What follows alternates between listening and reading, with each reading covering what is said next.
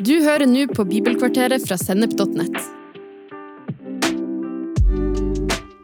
Bibelkvarteret er et kvarters påfyll i hverdagen fra Guds ord. Både til inspirasjon og introduksjon til viktige tema i Bibelen. Du vil også finne mer stoff på Sennep.net som gir deg inspirasjon til å følge Jesus i hverdagen. Følg oss på Facebook og Instagram, og abonner på våre podkaster i den podkastappen som du bruker. Som kristen og forelder eh, ser jeg hvilken verden både mine egne og andre kristne familiers unger vokser opp i. De eh, vokser opp i en fortelling om at den kristne troa hører fortida til. Om at du må velge mellom troa eller vitenskapen. Om at det å være religiøs er undertrykkende eller skadelig for det. Og om at ingenting er viktigere enn at du er deg sjøl og lever ut den du egentlig er. Derfor har et spørsmål vokst fram til å bli viktig for meg de siste åra. Hvordan kan vi hjelpe dem som vokser opp i dag til å finne sannheten, friheten og meninga med livet i det å si ja til Jesus og det han har gjort for oss? Ikke bare sånn at de tror på Jesus i skjul, men at de elsker Jesus, griper evangeliet både i ord og handling. At de ser realismen, optimismen og friheten i den store fortellinga som Bibelen har presentert oss i 2000 år at de erfarer at livet blir bedre og mer meningsfylt av å leve et liv i bønn, brødsbrytelse, Guds ord og det kristne fellesskapet der de bor. At dette blir så ekte, levende og viktig for dem at ikke de klarer å la være å dele det med andre, fordi det er en integrert del av identiteten og livet deres. Og at de ønsker å bidra til et bedre nærmiljø og en bedre verden, og starte nye fellesskap hvor dette leves, snakkes om og praktiseres, midt i en verden som har et forvirra forhold til kristen tro og tradisjoner.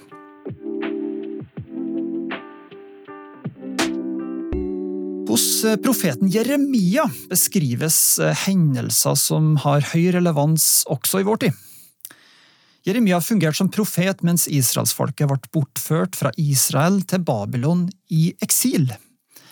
Og når israelsfolket var framme i Babylon, skrev Jeremia denne profetien til dem. Og vi leser fra Jeremia kapittel 29 vers 4-7. Så sier Herren over herskarene Israels Gud til alle som jeg har ført i eksil fra Jerusalem til Babel. Bygg dere hus og bo i dem. Plant dere hager og spis frukten. Ta dere koner og få sønner og døtre. Ta koner til sønnene og gift bort døtrene deres, så de kan få sønner og døtre. Der skal dere bli flere og ikke færre at dere skal fremme fred for den byen som jeg har ført dere til i eksil, og be til Herren for den. For når den har fred, har også dere fred. Gud ba altså israelsfolket om å ha en holdning av å be for og bringe fred til det landet hvor de var blitt bortført, og var en minoritetsgruppe.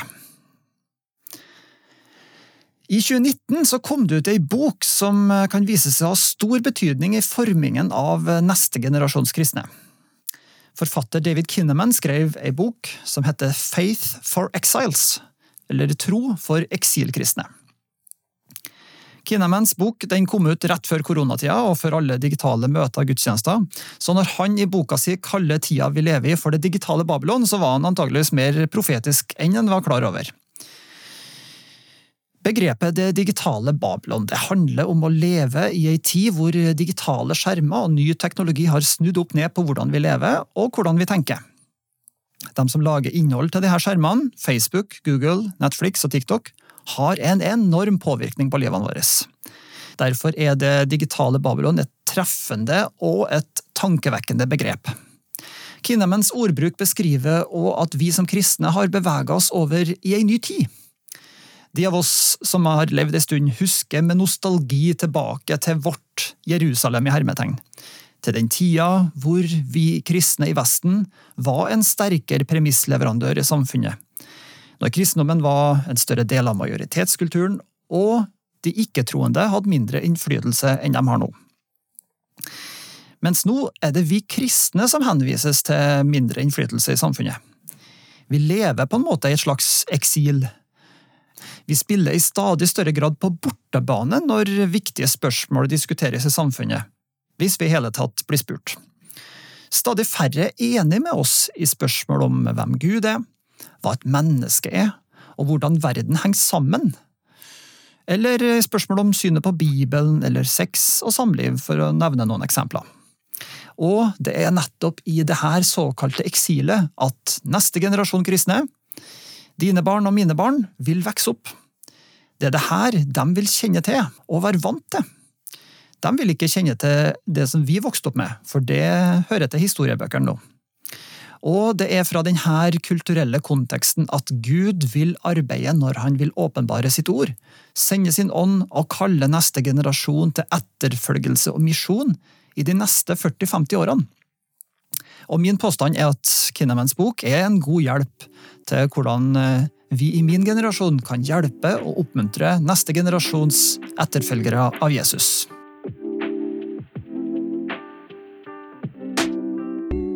I boka si løfter Kinnaman fram fem viktige trospraksiser for eksilkristne i det digitale Babylon. Og Den første praksisen handler om identiteten din hvem du er som menneske. Det fortelles i Daniels bok kapittel 1 at både Daniel og vennene hans skulle læres opp i kalderene sine skrifter og deres språk. Og ikke nok med det, hoffsjefen ga dem også nye navn. Navn som var henta fra den kaldeiske religionen og verdensbildet. Hensikten var åpenbar. Daniel og vennene hans skulle oppdras til å tenke og til å leve som kalderene sjøl, og ikke som israelere. Men Daniel og vennene hans forsto hva som sto på spill, og selv om de fikk masse kunnskap som åpna nye muligheter for dem, ga de aldri slipp på den identiteten de hadde i Bibelens Gud. Kinemen introduserer derfor et begrep for oss, og det er at vi trenger å bli motstandsdyktige disipler som lever nær til Jesus. Disipler som lever i verden, men ikke av verden.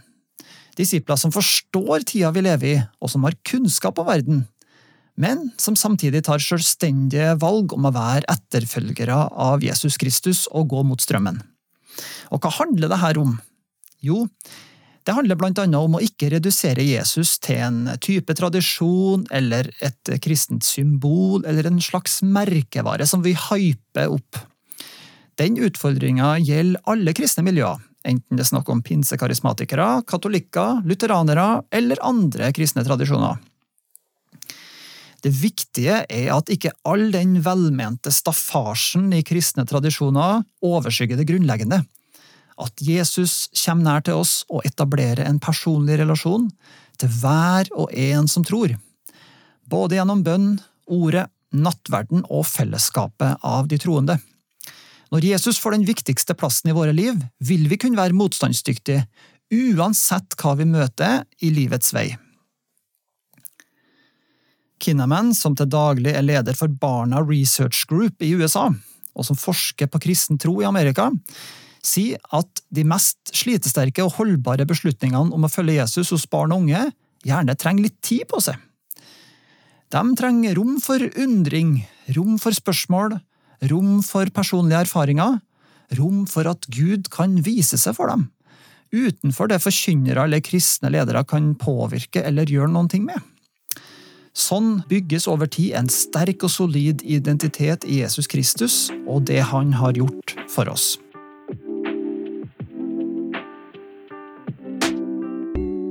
Bygge motstandsdyktighet krever det at vi henter fram igjen et bestemt ord fra Bibelen, og som er grunnlaget for den andre trospraksisen – dømmekraft. Verden har blitt mindre. Globalisering og internett har gjort at vi kommuniserer med resten av verden på ett sekund. Og ikke minst, vi bombarderes med meninger og stemmer fra resten av verden. For å kunne navigere i en sånn kompleks og uforutsigbar verden uten å melde seg ut av den, trenger vi alle å bygge en sunn, kristen dømmekraft.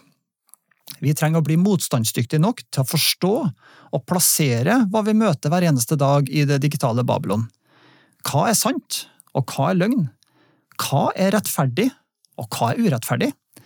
Hvem er sterk, og hvem er svak? Hva er egentlig bare kamuflert egoisme, grådighet eller begjær? Ifølge Kinnaman trenger vi å øke kunnskapen om hvordan sosiale medier er avhengighetsskapende. Algoritmene bak Facebook, Instagram og TikTok er designa slik at innholdet tilpasses dine interesser.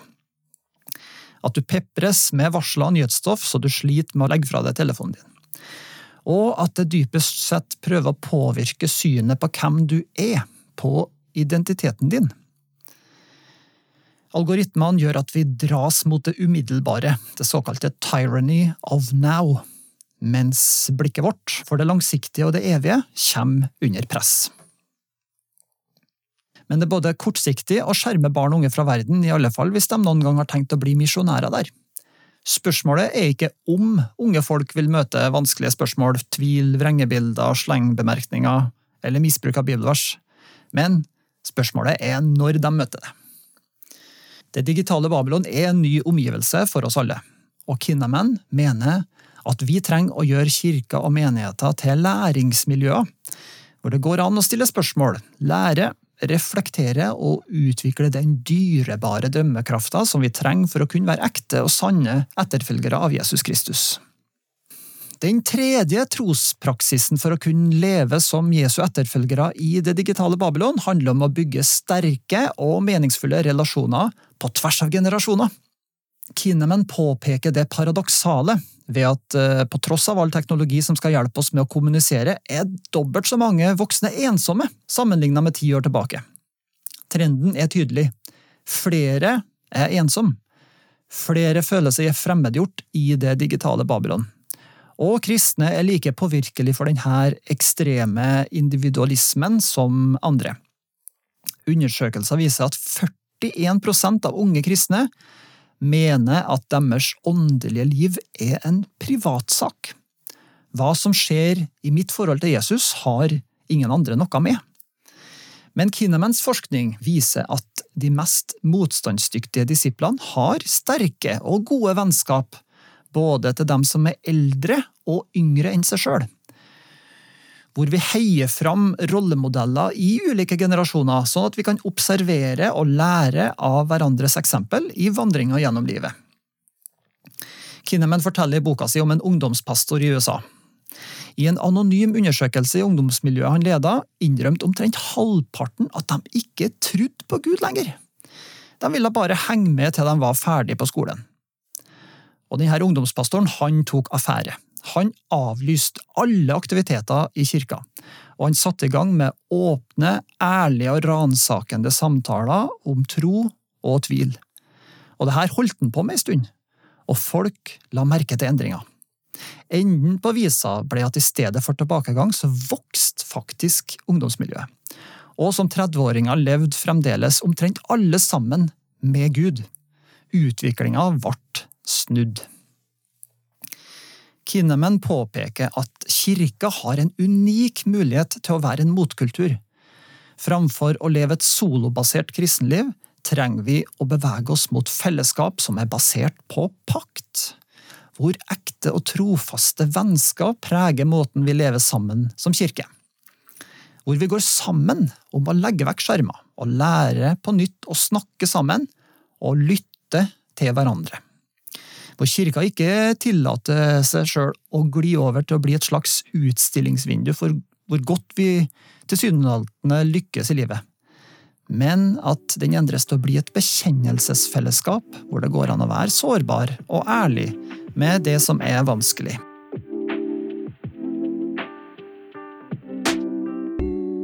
Den fjerde trospraksisen børster også støvet av et gammelt og slitesterkt begrep i Bibelen, nemlig kall. Og kall i denne sammenheng handler om at det du gjør i jobben din i arbeidslivet, er prega av en bevissthet om at du er kalt av Gud hver eneste dag du drar på jobb. Den generasjonen som vokser opp i det digitale Babylon, lokkes daglig med store drømmer om suksess, karriere og storhet. Det har neppe vokst opp en så ambisiøs og motivert generasjon som det gjør akkurat nå. De bombarderes av tiktokere, youtubere og andre som våger å være synlig, unik og gå nye veier, og mange drømmer om å gjøre noe stort sjøl også. En undersøkelse blant tenåringer viser at 26% av dem trodde at de ville bli berømt som 25-åringer. Og Ut fra de undersøkelsene som Kinnaman og Barna Group har utført, mener Kinnaman at tilknytninga til arbeidslivet er en av de største blindsonene for kristne menigheter og ledere. Kristne ledere har en altfor stor tendens til å assosiere kall med hvordan ressurssterke medlemmer kan tjene i menighetens oppgaver, framfor å forberede barn, ungdommer og studenter på å sikte seg inn mot det arbeidslivet, med en holdning av å være kalt av Gud i det fagfeltet og det arbeidsmiljøet de havner i.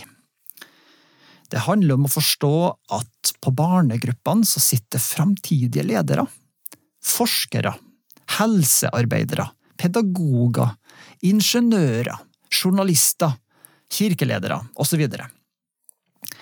Og hvis de ikke finner de rollemodellene og de samtalepartnerne de trenger innenfor kirka, så lever ikke kirka opp til det som den er ment å være, nemlig et fellesskap som samler alle som vil realisere Guds store plan for verden, og som realiserer noe av det som fra tidenes morgen har vært på Guds hjerte, mennesker som sammen blir et slags speilbilde av hvem den usynlige Gud er.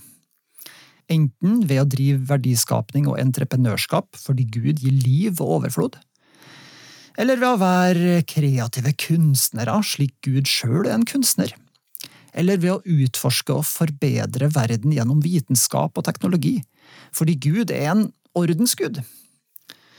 Dersom de unge hjelpes fram til å ha det her med seg når de går ut i arbeidslivet, så vil de stå stødigere både i medgang og motgang i arbeidslivet, og finne det meningsfullt å dra på jobb, både på solskinnsdager og regnværsdager.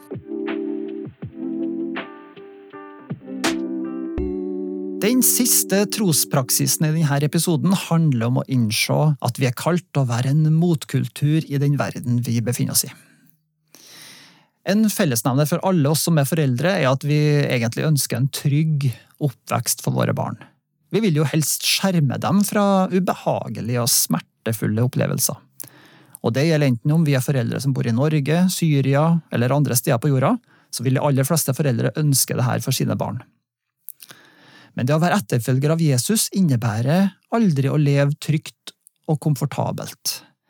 Tvert imot så er det å leve i eksil i et annet land. Hjemlandet ditt er et annet sted, og det å leve som en fremmed i et annet kultur. Og kulturen vi er på tur inn i, heter det digitale Babylon.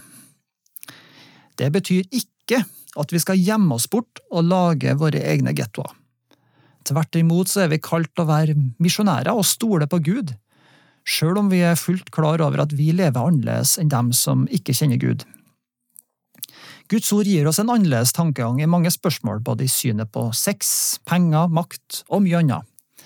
Vi blir sendt ut i verden med helt andre verdier. Vi tror på krafta i bønn. Vi tror på Guds inngripen i dåpen, brødsbrytelsen og håndspåleggelsen. Vi tror på verdien av å velsigne og tjene andre. Og vi tror på verdien av å stå for det som er sant og rett, og vi tror på verdien av trofasthet og ærlighet. Kinnaman skriver derfor at modighet er kanskje den viktigste egenskapen vi må framelske blant neste generasjons kristne. Barn og unge som bekjenner Jesus Kristus, vil trolig havne i ubehagelige situasjoner. Og Derfor trenger vi å forberede dem. Vi trenger å hjelpe dem til å bedømme og tenke over det de møter i livet, og hjelpe dem med gode svar på vanskelige spørsmål. Og vi trenger å være der når de trenger en timeout, støtte, forbønn og nytt mot. Og ikke minst, vi trenger å hjelpe dem til å omfavne det radikale Jesuslivet. Hjelpe de fattige, elske sine fiender og tilgi dem, og be for dem som forfølger dem. Du har nå hørt en episode fra Bibelkvarteret på sennep.nett. Du vil også finne mer stoff på sennep.nett som gir deg inspirasjon til å følge Jesus i hverdagen. Innholdet på Sennep er gratis og tilgjengelig for alle, takket være økonomisk støtte fra kristent nettverk, menigheter og enkeltpersoner. Du kan også hjelpe oss ved å be for oss, dele innholdet vårt med venner og bekjente, rate podkastene i den podkastappen du bruker, eller ved å gi en gave på VIPS. VIPS nummer 54 66 68. Takk for at du lytta til sennep.nett.